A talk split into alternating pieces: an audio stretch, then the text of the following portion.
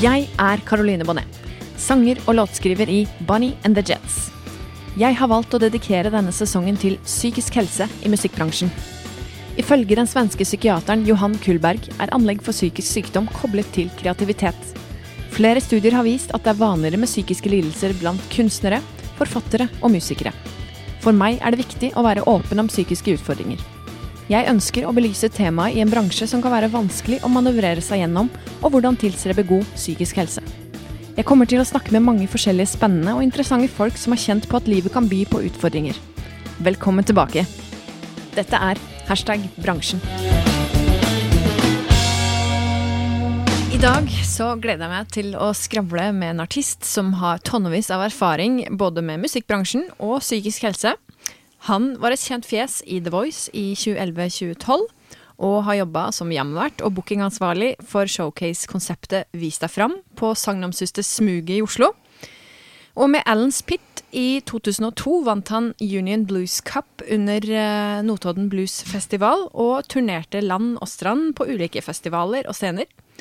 Han har de siste åra vist åpenhet om psykisk helse og gjort mange jobber i regi av Mental Helse.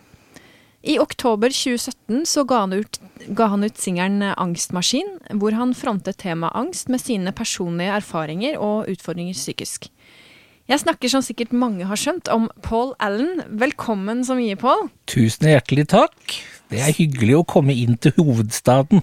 Stas å endelig ha deg her. Vi Ja. har jo snakka om det en stund, så det er fint å ha deg i sofaen. Det er veldig hyggelig å komme på besøk, Karoline. Vi har snakka om det lenge, som sagt, og det, det var på tide. Men det passa veldig fint denne sesongen her at, at det det var besøk på podkasten din. Ja, veldig, veldig trivelig, og jeg gleder meg til å dykke litt inn i temaene om eh, psykisk helse. Og, men så har jeg lyst til å bare ta den eh, gode gamle regla som jeg pleier å gjøre med gjestene her. Eh, hva tenker du da, når jeg sier hashtag bransjen, Pål? Har du noen eh, assosiasjoner? Ja, altså, bransjen for meg har jo hele tida vært det med musikkbransjen, bransjen, og så er man så lat, man sier ikke musikk engang, sier bare bransjen. Det, er, det har jo vært sånn siden jeg begynte å synge og gauke rundt omkring da jeg var sånn 14-15. Uh, hadde en diskusjon om det her om dagen, faktisk. At uh, hashtag bransjen er jo et fantastisk bra tittel på nettopp hva du har podkast om. For det er, jeg tror veldig mange nettopp refererer bransjen til musikkbransjen. Ja, kult. Men hva tenker du at det mm, folk misforstår mest med musikkbransjen er, da?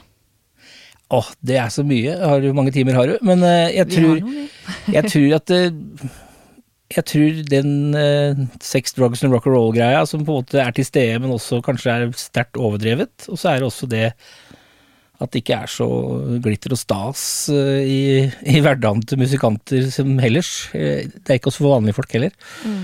For å bruke ordet vanlige folk høres grusomt ut, men det er så eller vanlig dødelig, som vi har kalt det før. Det, det er litt sånn at eh, mye er overdrevet.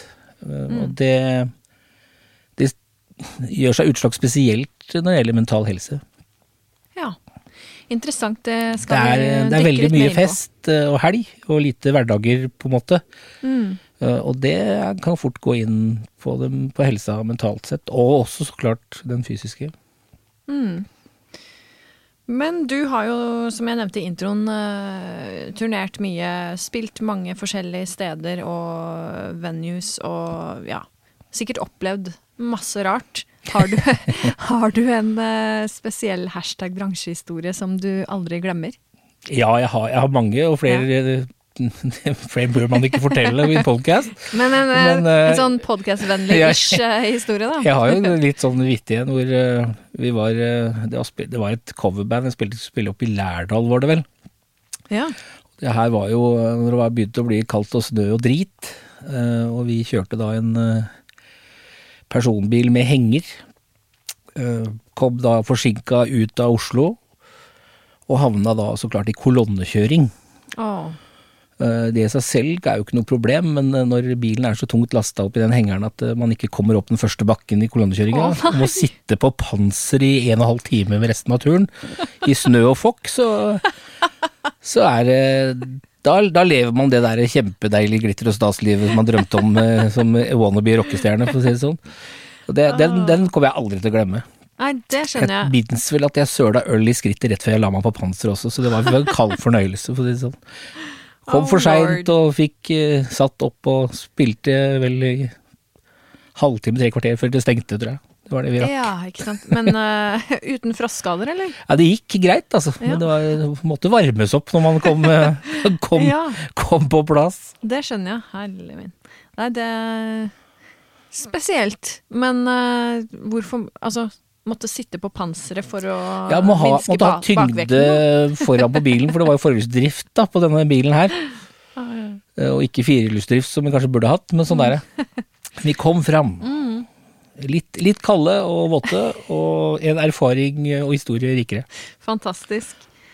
Har du noe spesielt minne fra din inntreden i musikkbransjen, da? Eh, For du nevnte jo i stad at du starta å synge og ja, opptre når du var sånn 14-15, men har du noe spesielle mm, Et spesielt liksom spesielt minne fra når du tenkte at ok, nå er jeg kanskje en del av musikkbransjen her.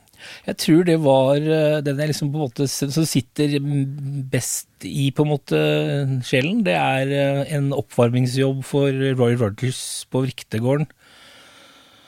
Da jeg var eh, Jeg tror ikke jeg var fylt 18 heller, altså. Jeg tror jeg var 17 eller sånt nå. Da var det sånn at de skulle spille ute, og vi skulle spille inne. Og så blei de sett korta pga. dårlig vær. Og de kom inn og så spilte med oss etterpå, og det var jo da veldig dyktige musikanter. og og jeg fikk da et fantastisk bra kompliment av Roy Rogers, som har sittet inne bestandig, og det var veldig hyggelig. Altså, you Ja. sing like a black man, although you're white, that's good. Og så. Ah, det var veldig tøft, kult. da. Ja. Og det, det var liksom en, en av de som liksom holdt litt tak i, da, Mm. siden den gang. Det skjønner jeg godt. Lever på gamle minner, vet du. Det må man gjøre. Det er viktig. Nei, men det syns jeg var en fin historie. Og da, ja, da kjente du kanskje at du ble inkludert på en fin måte? Da, Jeg at hadde du- liksom noe å komme med, da. Ja. Følte seg at, at, eh, jeg var på rett hylle. Ja, så bra. Og sånn i forhold til Du har jo vært med noen år, for å si det sånn. Er det noen spesielle tanker du har om hva som har endra seg mest, da, i forhold til når du starta opp, og kontra hvordan ting funker nå, liksom? Ja, det er mye som har endra seg i musikkbransjen, eh, og det Og mye til det negative, spesielt pga. inntjening og sånne ting. De små blir, forblir små, de mellomstore de gjør omtrent det samme som de alltid har gjort, og så er de store som klarer seg som de alltid har gjort, og så tjener plateselskapene flust med kronasjer i alle bauger og kanter som det også alltid har vært, men pga. streaming og ikke fysisk formatsalg, så øker presset til å spille ute øh, og selge merchandise og sånne type ting. Og det, det er det få av de som er mellomstore og nedover har råd til å investere i, rett og slett. Mm. Så jeg tror den totale inntekt for å klare seg er vanskeligere nå enn det var når jeg starta. Ja. Men øhm, du spilte jo rundt, og det var masse cover og sånne ting, med forskjellige bandkonstellasjoner, og så Du skriver jo også musikk sjøl. Var det sånn at du gjorde det fra en tidlig alder? Jo, eller var det noe du fokuserte mer på etter hvert, eller? Jeg skrev vel, har jo ikke alltid på en måte skrevet uh, ting. Eh, jeg er jo en som person sånn musikalsk sett begynner vel kanskje i andre enden enn mange andre. Jeg begynner med tekst, og så Mm. Får jeg enten da en hjelp av egen gitarspilling som ikke kan være verdens eh, beste, og så eventuelt noen andre musikere. Så det er liksom, Mm. Og sånn har det vært bestandig. Mye tekster og ideer Ja. rundt. Mm. Så jeg har jo vært hatt i band hvor vi har spilt eh, norsk uh, rølperock på norske tekster jeg har skrevet, og, og rockeband og masse forskjellig da jeg var yngre. Ja, ja. Så jeg har liksom hele tida vært på å skrive ting. Men, Mm. Men det er jo først i mer voksen alder hvor de har tatt det mer seriøst, da. ja, ja. eh, hvis man kan si det sånn. Mm. Men så fikk du jo en ganske sånn opptur for karrieren når du var med i The Voice. Da ble du jo et ganske kjent fjes. Og var det Kjente du på booking og sånne ting? At det Jo gjorde en Absolutt. Eh, Det, var, det gjorde et hopp, det. altså. Mm. Både med interesse fra forskjellige steder og økonomisk og alt det der. Ja. Eh, Men jeg tror Pga. at jeg hadde spilt ute i så mange år, så hadde jeg den erfaringen som kanskje en del andre som er med i lignende programmer, ikke har. da. Så da visste jeg litt mer hvor jeg gikk til. Ja, Eh. Så det var noe positivt for min Mm. del. øh, Å kunne på en måte både presentere meg sjøl i en bookingsetting med arrangør, og, og gjennom bookingbyråer kanskje på en litt mer strukturert måte, da. Mm. Som jeg fikk mye igjen for i den perioden. Mm. Og så valgte du da noen år seinere igjen å fokusere på egenskrevet musikk, og, og også da eh, norsk tekst eh, med singelen eh, 'Angstmaskin', som kom ut i 2017, hvor du da mm, rett og slett eh, la litt fram i låta din pro eh, problematikk med angst, da, og hvordan det Jo, kan altså, eh, jeg, prege en. jeg har jo hele livet hatt uh, den øh, skyggen av angst og depresjoner over meg pga. mentale helseproblemer. Mm. Uh, og den låta har jo ligget inne i meg mange, mange, mange år, tekstmessig, og den har vel så mange utkast som jeg noen gang har hatt på noe som helst, har vel den låta hatt. da. Mm. Alt fra å være så personlig at det, det er ingen som ville skjønt noe uten til meg sjøl, nesten, til, til å liksom justere litt her og der, og, og endte opp med kanskje en helt annen type låt musikalsett enn det jeg først tenkte jeg skulle skrive om, og hvordan musik musikken skulle fungere med tekst. da. OK. Så den forandra seg veldig med tida. Ja, ja, ja. Det, jeg fikk en, fikk en idé å, å gjøre en slags hiphop-beat-type måte produksjon på den, Mm. istedenfor å gjøre en klassisk pop-rock. da. Mm, mm. Og det syns jeg låta kler veldig godt. Mm. Jeg syns temaet kler det. Ja. Og så syns jeg også det at eh, i det settet så klarte jeg å, å slappe av og, og synge helt nedpå og ikke dra på uh, rock soul-type stæsjet. Holde Mm. det nede og få ut tematikken og teksten, Mm. ikke det vokale, for å si det sånn. Ja, ja, ja. Og du fikk jo en del oppmerksomhet rundt det her, og hadde da en slippkonsert på Kulturhuset i eh, Porsgrunn, var det? Mm, er du? Ja. Mm. Og i etterkant av det så har du jo da gjort en del jobber i regi og i samarbeid med Mental Både, Helse. Ja, både før og etter Mm. Mental Helse starta med en sånn markering av verdensdagen for mental helse noen Ja. år føre. Nettopp. Hvor jeg på en måte tok den låta opp igjen og begynte å jobbe med den på Mm. nytt, på en måte, da. Ja. Eh, så ble det, ble det flere sånne markeringer av verdensdagen, pluss andre konserter på Bydelshus, og Mm. innleid på Guttas fredagstime på et annet bydelshus. Litt forskjellige sånne type ting, da. Hvor Mm. fokuset var mental helse blant menn, blant annet. Så viktig, og så bra. Ja, det, det, du det var veldig gøy å få lov til, samtidig som det er også et tema som du ikke kan synge og fortelle om uten at det, du er personlig, da. mm, Det er klart. Og det, det ble på en måte en terapi for meg også, ikke bare Mm. Det å, å synge og spille som jeg har gjort på alle, alle andre år, men altså fortelle om det rundt det blei min Mm. egen terapi, rett og slett. Så utrolig fint. Og fikk du mye tilbakemeldinger fra de som kom og hørte på deg, eller de som hadde hørt låta? Altså, var det noen sånne ting som du kjente også på at det faktisk kunne hjelpe andre å kjenne ja, at ja, du har det sånn? Mest, mest positivt, Mm. men også negativt i, okay. i form av telefoner midt på natta, jeg skal ta mitt eget liv og sånne ting som er, som er negativt eh, fordi at det, det er jo ikke alltid det passer å ta en telefon og ikke et menneske du ikke kjenner så godt. Eh, men når du først putter liksom huet på hoggestabben, så må du regne med at noen tar kontakt kanskje også. Mm. Så det var en, var en periode jeg følte at jeg var uh, Jeg er også en hobbypsykolog for andre Mm. mennesker, som også kunne være givende på en måte, men Mm. også veldig tungt, da. Ja. Uh, når man har sine egne ting, som man Mm. kanskje syns er nok.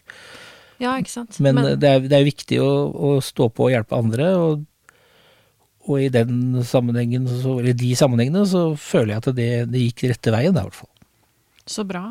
Men øh, det første jeg tenkte når du sa at du også hadde fått noen negativ respons, så tenkte jeg at ok, at du fikk tilbakemelding med at hvorfor gjør du det her, men det hørte du ikke noe av, håper jeg. Det er mer det at jeg fikk, fikk et par sånn at ja, nå hiver han seg på den bølgen, for nå skal alle være mentalt sjuke, Ah, ja, liksom. sånn, og sånn. Okay. Fikk et par sånne. Men Ja. altså det, det at noen uh, sleiver med kjeften, det er man vant til når man har vært og spilt noen år. Det, det er alltid en eller Ja. to av de der.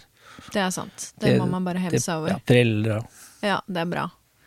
Men uh, det er jo som du sier, og jeg tror det er jo viktig å ja, anerkjenne det at kanskje en del får en lavere terskel for å åpne seg til en, da, hvis man selv har vært Jo. åpen om det, og så kan man jo da da må man jo vise til videre hjelp som det offentlige kan gi. Jo, da. absolutt, Fordi det- det jo- man, man kan jo ikke være den hobbypsykologen eh, Nei, ja, man For alltid. alltid. blir jo det. Man må man husker visse telefonnumre og hjelpesider Ja. og sånne type ting, og, og dytte det over der. Men samtidig så så hvis noen ringer deg og spør om hjelp, utgangspunktet, så Mm. ringer de deg for det er deg de tror de kan få hjelp av, og så får du prøve å gi den hjelpa du kan, og så videreføre derfra til, til de som er proffe på det, for å si det sånn. Mm.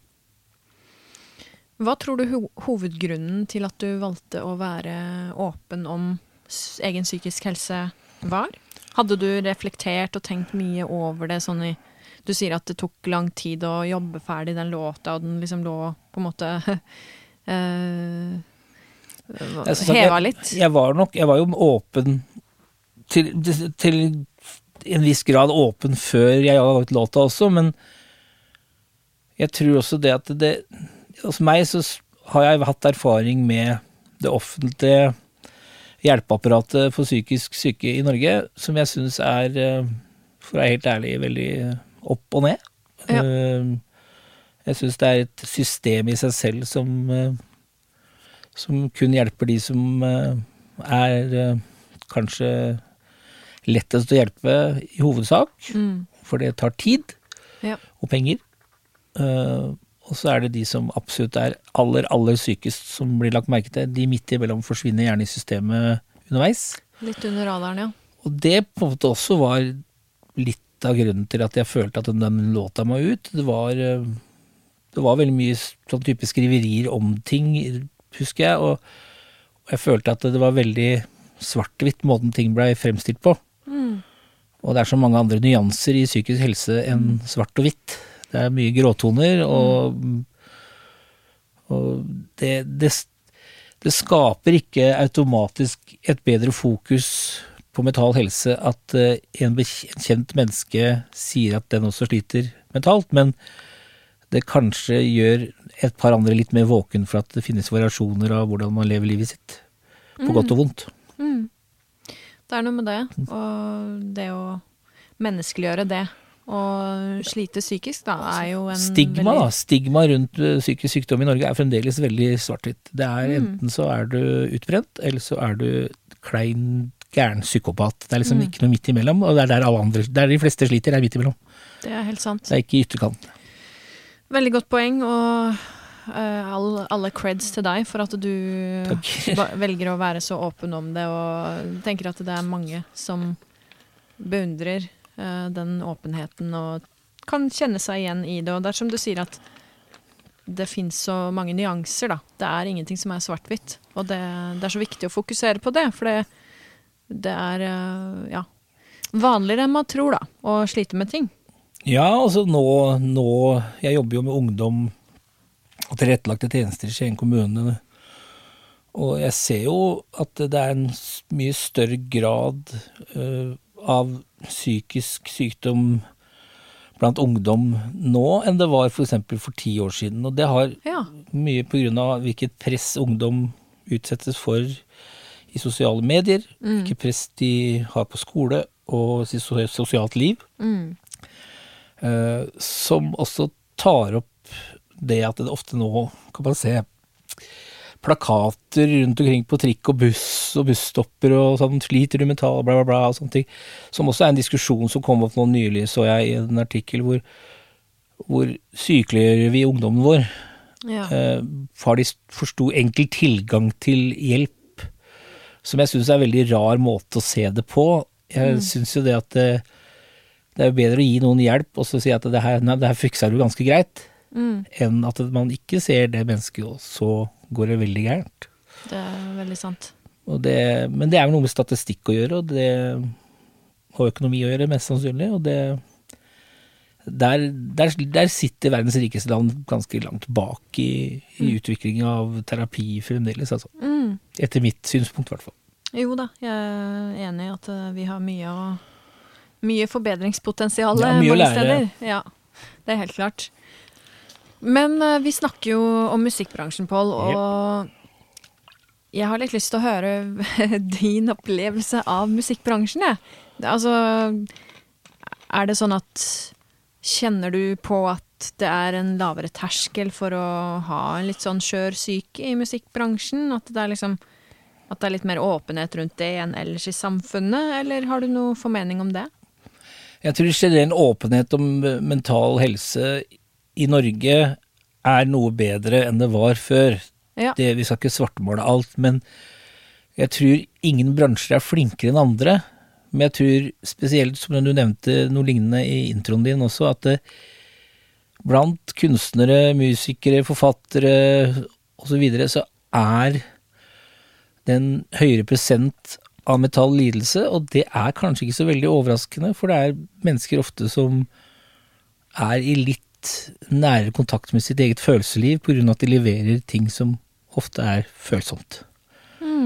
Så jeg tror det er der det ligger. Jeg Ja. tror færre rørleggere har veldig følelsesmessig, følelsesmessig tilknytning til sine skruer, muttere og rør enn hva en eh, låtskriver har til sin tekst, for å si det sånn, da. Ja. Så jobben i seg selv er nærmere sitt eget følelsesliv, Mm. og derfor også en større prosent av, av kunstnere og lignende som har mentale issues av en eller annen form. Det er jo egentlig et eh, godt poeng at man står nærmere det arbeidet man gjør, ja, følelsesmessig. Absolutt. Veldig godt sagt. Men uh, syns du musikkbransjen er kynisk? Sånn uh, Altså, når man da i utgangspunktet er en litt sånn frynsete kunstner, da, og så skal man uh, manøvrere seg gjennom en uh, bransje som baserer seg ofte på lyttertall og diverse, og så, gir man ut en ting, og så føler man kanskje at det er ingen som ser det man har gitt ut, og så gjør man seg sjøl litt vondt av å bli en musikkbransje som egentlig kanskje ikke er skapt for den uh, skjøre sjel. Ja, da, musikkbransjen har alltid vært uh, kynisk. Det er, uh, det er ikke noe stikkende stol i det hele tatt. Det, og det er ikke noe overdrivelse heller. Men jeg tror også det, det Nå nylig så jeg en uh, sak hvor uh, Lev- Louis Capaldi har nå gått ut og sagt at han uh, trekker seg fra alle fremtidige konserter og sånn av mental helse. Og, og det, det kulminerte seg med en eh, opptreden på Glastonbury nå helga som var, tror jeg, hvor eh, han fikk totalt sperre, og, og hele publikum sang ferdig en hel låt omtrent, ikke sant? For de så han sleit, da. Og jeg tror blant yngre, uh, up and coming, i stor format, altså den virkelig proffe bransje, så er det et enormt press om å mest mulig på kortest mulig tid. Og det er en utrolig vanskelig karusell å hoppe av underveis, altså. Og at det er flere og flere av de yngre som detter fra, sånn som Louis Capaldi og mange andre, er ikke spesielt rart. Det er egentlig mer rart at ikke noen gjør det. For presset for å levere er enormt stort. Og så er det da så klart mindre og mindre press jo mindre kjent og populær du er under det igjen, fra de rundt deg. Om det er plateselskap eller management eller hva det enn er. Men hvis man ikke er i noe plateselskap og ikke er i noe, noe management og er totalt fri fra det sjøl, så har man et veldig nært følelsesmessig tilknytning til sitt produkt, da.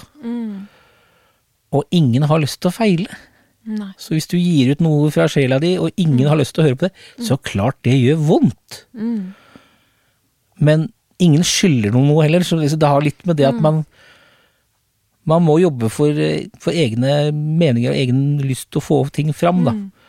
Men, Ja. men jeg føler jo at det, at det så klart det finnes mange som jobber et helt liv uten å bli lagt merke til for noe som helst. Og det kan være forferdelig vondt. Ja, det er eh, mange kloke ord du kommer med der, altså, for jeg tenker jo også det at de som da er på sett og vis overlatt til seg sjøl, som jo gjelder mange i musikkbransjen, som ender opp med å ha mange forskjellige hatter og drive med booking og diverse, og prøve å selge sitt eget produkt, da, som da ligger hjertet sitt nært, så er det jo enda mer sårbart, selv om kanskje ikke det presset ligger så tett på som det kanskje gjør i den big business uh. Musikkbransjen, hvor man er uh, signa til eh, store labels og sånne ting, men, men da er på en måte alle disse her eh, oppgavene i, eh, gitt til andre, da. Ja, men skapende sjeler er jo til for å skape, ikke for å selge, ikke for å pushe. Altså, Mm. Det er heller ikke interessen for veldig, veldig mange Nei, nei. å, å selge seg selv. De er interessert i å skape noe de tror på, og noe de liker. Og så ønsker de å dele det med andre, og håpe andre liker det. Det, er, det stopper for veldig mange der, da. Mm. Jeg har ikke interesse for å, å sitte 24-7 og, og dytte produktet sitt på nett eller whatever. Altså, men, og, men føler at de må. Mm. Og for noen så er det en jæsklig vanskelig svelge, pille å svelge. Mm. For det, det er liksom ikke noe med sitt virke å gjøre. Nei. Jeg tenker spesielt i parallell til, til kunstmalere som bruker enorm tid til å legge 70 000 lag på et lerret. Ja. det er ikke så jæsklig interessant etter å ha gjort det og tømt hele sjela di på lerretet ditt, og så skal du ringe rundt og sende mailer og ditt og datt for å liksom selge kunstverket ditt som du kanskje ikke har lyst til å selge engang. Ja, ikke sant. Ja. Det er eh, paradoks, det der, altså. Det Det samme er det samme er det med musikere, låtskrivere, mener jeg. da. Ja, og så er det liksom eh, Ja, bisarr greie det at hvis man da skal begynne å sutre over at ja, men det er så slitsomt og sånn og sånn, og så bare ja, men du velger det jo sjøl. Ja, ja, ja. Og, men, men vi er jo, altså, jeg tror mener den kunstneriske delen av Yrkes-Norge, eller yrkesverden generelt, da, er vel den eneste yrkes... øh, eller yrke, da, som ikke det er lov å klage, Mm. for du velger det selv. Ja. Hvis det er jævla mye som jeg nevnte, nevne, hvis du har jævla mye å gjøre som rørlegger, og du Ja. klager noe var jævla mye, så er det ingen som sier nei, men du kan jo ikke klage, du har jo så mye å gjøre. Det er jo bare ja. Det er ingen som sier det. Nei. Men hvis du klager som sanger, låtskriver Jeg har så mange spillejobber. Ah, Eller, har Alle vil å booke meg. Eller uansett, eller at ikke vil booke, det er så mye stress, da. Så, så er det ingen som syns det er rart. Mm. Eller reagerer på det. Nei. Nei, det er eh, det som gjør det sånn litt annerledes, kanskje, enn eh, å være rørlegger og snekker, for den saks skyld. Eller noe helt annet. Eller noe helt annet.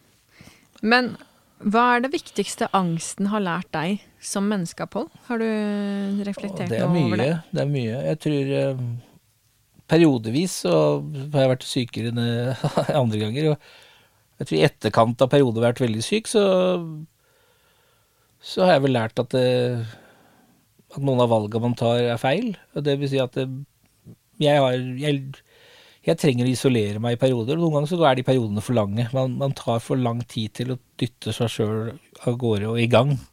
Hvor lang tid er det du da Det være, isolerer deg? det kan jo være veldig variert fra gang til gang, men Mm. jeg,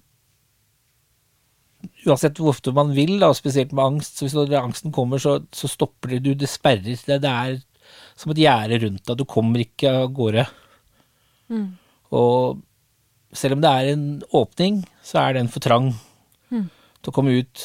Men når du begynner å bli litt bedre, og den åpningen utvider seg, så kan du snike deg gjennom. Men du velger å la være, for det er så skummelt på utsida. Mm. Og det jeg har lært, er vel kanskje at det, når åpningen begynner å bli sånn at man kan holde inn magen litt, og så snike, seg gjennom, Mm. at man må prøve det litt, eh, litt oftere, eller i hvert fall tidligere i, Mm. I den prosessen, da. Ja. Fordi hvis ikke så blir man veldig vant til å ha det vondt. Og det å, å bli vant til å ha det vondt, det er vanskeligere da å ha det godt. Ja. For det å ha det godt, det føles veldig uvant. Mm. For man sitter i sin egen vonde lille boble, Mm. og trives ikke, men man føler seg tryggest der. ja, ikke sant? Mm. Så det jeg har lært, er vel kanskje å være flinkere til å til å pushe seg sjøl Mm. ut av den angstkomfortbobla, på Ja. en måte, da. Ja.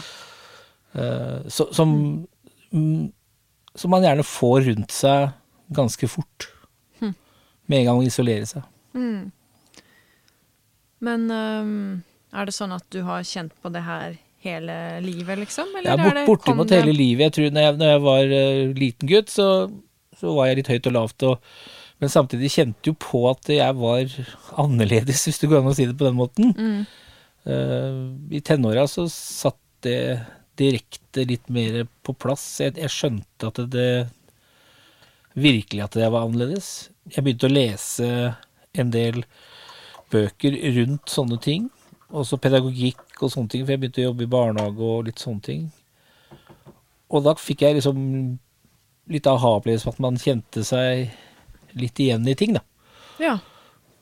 Så, så det har fulgt meg så å si hele livet, kan jeg si. Mm. Det har nok det. Men det har vel sikkert vært veldig utfordrende til tider å ja, jobbe frilans, da. Som sanger, musiker. Jo, ja, når jeg, når jeg gjorde det, når jeg kun jobbet frilans, så, så var det så var det mye selvmedisinering for å takle det. Det var det. Ja. Ja. Det var uh... Og det kan jo være litt skummelt, for da kommer man inn på den delen av bransjen som kanskje er en litt sånn farlig fristelse for mange, da. Det at det i mange settinger tilbys alkohol og mer enn som så er. Ja, Eh, og ja. ja, Det er ikke ikke litt- akkurat uvanlig med den selvmedisineringa. Nei, det er ikke uvanlig i det hele tatt. Og, og for meg så var det periodevis et must for å gjennomføre det jeg skulle. Mm. Eh, Som også liksom tok meg dit at eh, At jeg forsto jo at ikke de virka gang på gang, men Mm. man gjorde det likevel. fordi at den selvmedisineringen er Da hadde jeg jo vært noen runder i psykiatrien Mm. og trappet opp og ned på medikamenter som ikke virker, og fikk bare bivirkninger som var forferdelige. Eh, og da blei den selvmedisineringen enda mer kraftfull og fungerte på en måte midlertidig. Ja. Men så blir det jo verre etterpå. Ja, etterpå. Mm. Og så og så når man da går ruspåvirka over lengre tid, så blir man nummen for det, og så må det mer til, ikke sant. Og, Mm. og, og det er jo en forferdelig ond sirkel. Mm. Eller ond spiral, kan jeg egentlig si isteden. Det blir bare verre og verre jo lenger inn du kommer inn. Men nådde det et punkt da hvor du måtte kutte all rus, liksom? Eller var det sånn at du klarte å Jo, det er- se det litt komme, og at du trappet ned, eller? Første gangen så kutta jeg alt over lengre periode. Ja. Og så var jeg litt tilbake, litt sånn småttering her og sånn, Mm. men eh, nå kan, nå kan jeg nyte noen glass alkohol, og det er greit. Men det, det Mm. var en periode hvor jeg ikke var borti noe som helst. For det, det var det beste for meg der og da. Mm, mm. Man kjenner seg sjøl best. Ja, når man åpner øynene og hører på seg sjøl. Det, Mm. det er en prosess, det også. Det, Ja. Alle er ikke klar for det. Det er, det, det, det er viktig å huske på at eh, du kan ikke pushe noen mennesker til å slutte eller starte med noe som helst hvis ikke de vil selv. Mm. Og det er også en ting som hjelpeapparatet kanskje ikke er like er flink til. Og Mm. mennesker uten kunnskap om hva det dreier seg om, og som ikke er Mm. flinke til å tenke på. At vil ikke personen slutte eller forbedre seg selv, så er prosessen evigvarende. Mm. Da funker ikke noe som helst. Mennesket må komme til sin egen beslutning og jobbe derifra, og så få hjelp underveis. Absolutt. Ellers så, ellers så forbedres det ikke, og man går tilbake til, til det, den onde spiralen igjen Mm. veldig fort. Absolutt, det er veldig sant. Og, men det er på en måte sikkert litt vanskelig noen ganger å vite om vedkommende har kommet dit, eller å vite om man, man har kommet dit sjøl òg. For så vidt. Absolutt. For at man er litt ambivalent på det, da. Og det er jo noe av min kritikk til, eh, til norsk helsevesen når det gjelder psykiatri, er jo nettopp det at det settes av ekstremt liten tid til å finne, finne ut roten til problemene, og hvor Mm. det mennesket som skal behandles, er i sin egen prosess. Ja, det, Det, det, det, er, det er klinisk-teoretiske tester, og så er det et stempel eller ikke et stempel, og så er det videre til, til neste behandlingsform, Mm. hvis det er noe i hele tatt aktuelt Mm. med behandling. Mm. Og det, det skaper ikke trygghet hos pasienten heller. Nei, det Pasienten føler seg ikke trygg og åpner seg ikke tilstrekkelig nok til å få Mm. den hjelpa den trenger. du har noen gode poeng der som jeg tror eh, virkelig at norsk helsevesen bør ta inn over seg og ja tenke mer over og Det er synd at det meste skal handle om penger og pakkeforløp og ditten og datten, fordi det er jo Det er dessverre ikke sånn at helse og syke kan uh, settes noe tidsperspektiv på alltid, liksom. Det er eh, Nei, Alle er forskjellige, og, Og er alle ikke- trenger sin Nå tid. setter jeg det veldig på spissen her, og for noen sikkert ikke ekstremt overdrevet, men jeg, jeg ser det fra mitt synspunkt, og min erfaring med mange mennesker som jeg har vært i kontakt med, hvor systemet rundt det å være psykisk syk er mye vanskeligere å få hjelp til enn alle andre typer sykdommer som finnes. Både hos helsevesen og Nav og, og alle disse instansene som skal hjelpe deg når du ikke har det bra. Mm, mm, Det er min erfaring, og erfaring til veldig mange mennesker jeg har snakket med. mm, Så sånn messig så er min statistikk som jeg har laget i, mm. gjennom min erfaring og andres, er veldig ulik den statistikken som kommer ut fra, fra vår eh, Statistisk sentralbyrå, fra helsevesen og Nav osv. Ja, nå vet jeg ikke om det finnes noen statistikk på akkurat det, men, eh, Nei ja, men jeg, jeg, tror si det det er sånn, veldig god poeng, da, i hvert fall. Det, å, det å fokusere mer på rota til eh, problemene, og det tar jo ofte tid å komme dit, for det er ikke alltid man vet det sjøl, hvorfor man eh, har Det det, må også kjipt. det må sies at det ikke er noe lett jobb å hjelpe noen i en slik setting også. Nei, nei, Eh, nei. Det er jo viktig å få med, og at ikke jeg mener at det, de har mirakelkur liggende i skrivebordsskuffen sin. Det er ikke sånn jeg mener, men eh, jeg, jeg føler at den totale behandlingsform som, som er i norsk helsevesen, spesielt på det psykiske, ikke er up to scratch Mm. i forhold til hvilket problem Norge har med psykisk sykdom. Mm. Men hva tenker du sånn for kunstnere, musikere, er det viktigste sånn av egen erfaring, da, av, av verktøy man bruker for å forebygge for egen eh, psykisk helse, da, for å ha det så godt som mulig, selv om man kjenner at ting kan være tungt? Vel, det er veldig forskjellig til person til person. Mm. Det, det, det, er, det er vanskelig å si noe. Men jeg, jeg, av min erfaring så tenker jeg det at det, det er viktig å føle på egne følelser. Det er viktig å ta kroppens fysiske og psykiske signaler underveis til etterretning. Og så er det veldig viktig å ikke bare konsentrere seg om kunsten sin, men kanskje ha en eller andre type ting som gir deg noe i hverdagen som om det ikke å brenne for, men i hvert fall så gir deg energi, da. Så for min del så er seiling veldig meditativt, som funker veldig bra for meg. Mm. Eh, Det er ikke sikkert det funker for deg eller naboen, men altså, sånne ting om det er strikking eller høre på podcast eller hva, hva det er, da, Ja. så er det viktig å ha små hvilepauser Ja. I, en ellers hektisk hverdag, som man sier. Mm. Eh, Men også overfor det mentale, at det, man må man må kunne gi seg plass til å puste under press, Mm. eh, om det er skapende, og kunst og musikk osv., men også på en måte ha ingen andre inputs, da. Mm. Og da får man også, ikke utenom energi, men også får kanskje inspirasjon, Mm. Mm. og, og hjelp på det kreative, da. Ja, tror det er viktig å ha, som du sier, noe annet å lene seg litt på, sånn rent i forhold til å ta seg pauser og ja. Det å ikke bare ha alle gir Ja. i musikken, men å ha noen liksom sideveier innimellom. Ja, jeg, jeg, tror det er, jeg tror det er bra for alle typer yrker og alle typer jobber og alle mennesker seg seg sjøl. Ha en hobby, som det heter. Men, Mm. Ja, ja, det er det Men, men, eh, ja, det er visst det. Altså, men det er, det er noe veldig få musikere, musikanter og låtskrivere og artister har veldig sjelden en hobby. Det er det de driver på med, selv om det er jobb. Ja. Eh, Men jeg tror det er, er viktig for de fleste. Det er sikkert noen som det ikke funker for, men Mm. for, for meg og veldig mange andre vet jeg at det funker bra å ha noe annet som man liker, da. Vir, virkelig trives med. Ja. Eh, Hva enn det skal være. Godt råd. Men uh, hva tenker du musikken har betydd for deg? Og det er ventil, kan Mm. jeg si. Det, det, det første jeg tenker er ventil. Uten musikk så har det gått mye, mye verre. Mm. Uh, det er helt klart.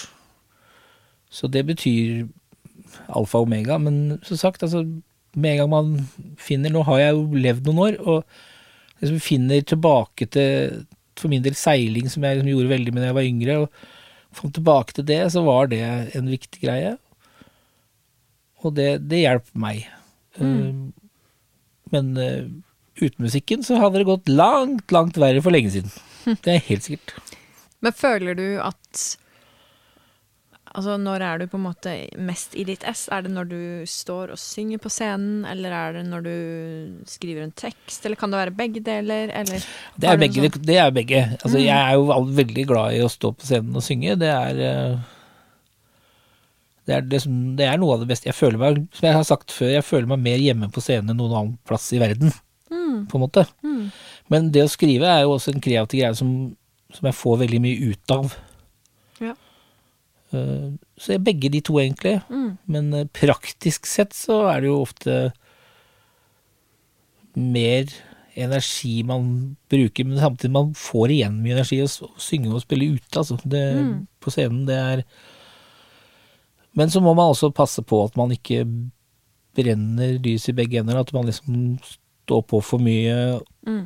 og havner i situasjoner hvor det liksom ikke er noe energi igjen etter man har dettet fra en opptreden. Ja, for det føler jeg jo absolutt at man gjør. At man bare man, Lufta blir jo sånn slått ut av en, ja. og så ja, og så henter man jo energi jo, ja, går, går liksom sakte ut av kroppen mm. etter man har vært mm. på scenen en stund. Og, så, og det er jo da man må må eh, finne ny energi på forskjellige måter. Mm, mm. Og være klar over det også. Det er også en, en mange mange internasjonalt store artister og mindre som har, uh, har gått bort, tatt sitt eget liv mm. i etterkant av konsert. Mm. På grunn av at når de detter ned, så er det ingen som er der. Det er ikke mm. et eneste menneske som er der. Der mm. man sitter på sitt eget hotellrom og detter ned og detter ned og detter ned, og har ingenting nytt som tilfører, og det føles tommere, tommere, tommere, tommere. Mm. Og mm. da, da, hvis man da sliter med tall fra før, da er man inne på en farlig grense for å ja, man tar noe man ikke skal ta, eller, mm. eller finner andre løsninger. Det var vel kanskje det som tragisk skjedde med han Avicii? Ja, og, mm. flere. Mm. Uh, og så uh, sto det stille Vokalisten i Soundgarden skjedde jo det, mm. blant annet. Uh. Ja. Ja, det, man skal passe på. Det er jo en litt sånn ekstremsportgreie man driver med, da. I hvert fall de som Altså, nå kan det jo være en intens opplevelse å stå foran 20 stykk og synge, det er ikke det, men de som driver i de store dimensjonene, da, med titusenvis av folk, og ja, alt på en måte kommer an på din prestasjon, da, i så og så lang tid, og så, som du sier, sitter man der på hotellrommet mutters alene etterpå, det ja, er, alle, er, jo du, du er liksom, ekstremt. Du er, verdens, uh, du er verdens aller beste venn i en og en halv, to timer. Mm. På en måte. Ja og så er det ingen som gidder å se på deg engang. Mm. Noen timer etterpå. Ja. Og klart, det føles Det er et tomrom der. Mm. Mm. Og det er ikke det at man blir idolisert som er viktig, det er det at det, det er et tomrom for energi. Det er et tomrom mm. for, for, at noen ser deg som menneske. Mm. Mm. Det tror jeg egentlig er noe kanskje mange burde tenke over, for når vi snakker om det nå, så ja, kjenner jeg på det at uh, det var ikke så dumt sagt. Det hender jeg slår til. hender du slår til, Pål. Men hvorfor tror du, eller tror du, at det er viktig at vi artister eh, er åpne om psykisk helse? Jeg synes det er viktig i hovedgrunnen på at det, det er fremdeles et stigma rundt psykisk sykdom. Mm. Jo flere mennesker som folk liker, ser opp til osv., er åpen med det, så blir også stigma på en måte mindre rundt det med mentale issues. Mm, mm. Det er bunn og grunn det viktigste, syns mm. jeg. Men så er det sånn, for meg så hjalp det å være åpen om ting. Det er ikke sikkert det hjelper for en annen, men mm. for jeg vet for en del så er det en slags lettelse å være åpen om det. Mm. Og skuldra blir litt lettere, man føler han ikke bærer på den vonde ryggsekken aleine, da. Mm. Man har noen som hjelper til. Mm. Så for, jeg tror for de aller fleste så er det å være åpen vil gi en positiv effekt, da. Mm. Uten å dra alle over med samme kam, men jeg, det er litt viktig også, også å si det at folk er forskjellige her. Det, Mm, mm. Men mi, i mitt synspunkt for meg selv, og, og veldig mange andre som jeg kjenner til, så, så er det en Det å være åpen har gjort det lettere å fungere selv da, Mm. som metallsyk. Ja, for du kjente da i etterkant av den singelutgivelsen og den oppmerksomheten du fikk i forbindelse med det, at det letta litt på trykket, kanskje? Rett og slett? Jo, altså, altså Mental sykdom er jo en slags sånn der stor, stygg hemmelighet. Mm. Det er, det er liksom noe man bærer på seg selv og, og ikke snakker om og, og ikke deler med noen. Mm. Og så er det jo veldig tøff følelsesmessig å ha det sånn. Mm. Og for noen føles det flaut, og det føles uh, ubekvemt. Det, føles ut som at 'å, jeg er så dum', og 'jeg er så teit'. Og så, jeg, er så, jeg er redd for å gå i butikken. Det er, det er ikke noe farlig i butikken, men sånn, altså, sånn angstting. Ja. Mm. Men det, det er sterke følelser som kommer i bildet, og de må på en måte få en ventil, som jeg sa tidligere. Det, det må slippes løs mm. måte, og jobbes med på en måte for i det hele tatt bli bedre. Da. Hvis ikke så ulmer det, og så blir det bare verre, verre, verre. verre. Mm. Mm. Så lenge ting føles riktig for en sjøl, så Ja, absolutt. Og det, Mm. jeg tror det er mange der ute som har uh, har forskjellige ja, både diagnoser og ikke-diagnoser, som har det tøft psykisk, som, som fungerer bedre med å bare ha én terapeut de snakker med, og det er best for dem. Altså, Og ikke er ikke engang med sin egen familie er åpen. Det funker kanskje best for dem. Det, det er, Ja da. men det- for meg og mange andre vet jeg at det funker best å være åpen og snakke om ting. Det er så bra å være åpen, og jeg tenker at jo mer åpen man er, jo lettere vil det bli for de som da har behov for å åpne seg til venner eller kjente, eller ikke sant. Ja, jeg har jo fått noen tilbakemeldinger. Jeg har fått noen tilbakemeldinger på det, at jeg som har vært på konserter og sånn som jeg har gjort og det, hvor de har liksom kommet og sagt at det, det tok tak i meg og Mm. min mann og min bror, min tante, altså Mm. forskjellige sånne episoder. Og det, Mm. det er jo klart det varmer, og det er, da har jeg gjort på en måte noe riktig, selv om jeg egentlig gjorde det for, bare for min egen selv. Min egen skyld. ja. på en måte, og det, det er jo veldig hyggelig å høre. Og det, Ja, det er jo og hvis, hvis, sagt, hvis jeg kan være åpen og ærlig om ting, og det kan hjelpe noen andre på toppen av det, så er det jo pluss. Bare pluss. Mm. Men øh, hva er planene videre nå, Pål? Ja, Det er jo en stund siden du har gitt ut musikk. Jobber du med noe nytt, eller hva? Jeg, Hva skjer? jeg skriver jo hele tiden, nesten. Ja. Eh, Men sagt, jeg har vært litt ekstra sjuk en periode nå, og da, da er jeg ikke så kreativ eh, før liksom, det begynner å bli bedre. Så Mm. nå har jeg begynt igjen litt, skrive litt nå. Eh, Jeg har også planer om å ta opp et gammelt band på nytt igjen. Ja, spennende. Uh, Så liksom det har, kjenner på at nå, nå begynner energien å komme tilbake til å liksom, ta opp ting igjen. Da, både låtskrive og forhåpentligvis kanskje gi ut noe. Mm. Og, og det å være mer aktiv musikalsk sett. Da. Mm. For det har jeg vært eh, ikke, veldig lite av de siste åra i forhold til jeg var tidligere. Mm. Mm. Mye på grunn av både, både mentale, men også en del med hvilken vanlig fast jobb jeg har hatt eh, en god, god del år nå. Mm. Nei, men Det blir spennende å følge med. Det Takk, takk. gleder jeg meg til å sjekke ut. Og så lurer jeg på sånn på tampen hva, Hvis du skulle gitt deg sjøl et veldig godt råd uh, idet du var i ferd med å tre inn i den store, stygge musikkbransjen, hva ville det vært? Har du noen tanker om det? Så ja, stol på mageflussen. Gå for det du føler er riktig, uansett hva det bringer av både positive og negative ting. Mm. Var nok litt uh, forsiktig og hørte litt mye på andre i begynnelsen. Gjorde det. Mm. Spesielt hvis du så opp til noen ikke sant, og alt det der. Men uh, jeg føler ikke at jeg har gjort noen enorme blemmer når jeg ser tilbake. Men samtidig så er det liksom ting som kanskje er muligheter jeg kanskje burde ta tak i, som ikke jeg tok tak i. Mm. Som jeg kanskje, kanskje hadde hatt nytt, bedre nytte av. Ja. Men, men det, er, det er viss og vass, egentlig. Men eh, jeg tror det. Jo, nettopp det å kjenne på magefølelsen. Mm. Stå på, kjør på hvis du føler er riktig sjøl. Godt sagt. Det får være de avsluttende orda. Tusen takk for at du tok deg tid, Pål. Veldig, Tusen veldig koselig. Tusen takk for jeg fikk komme, Karoline. Det var veldig hyggelig.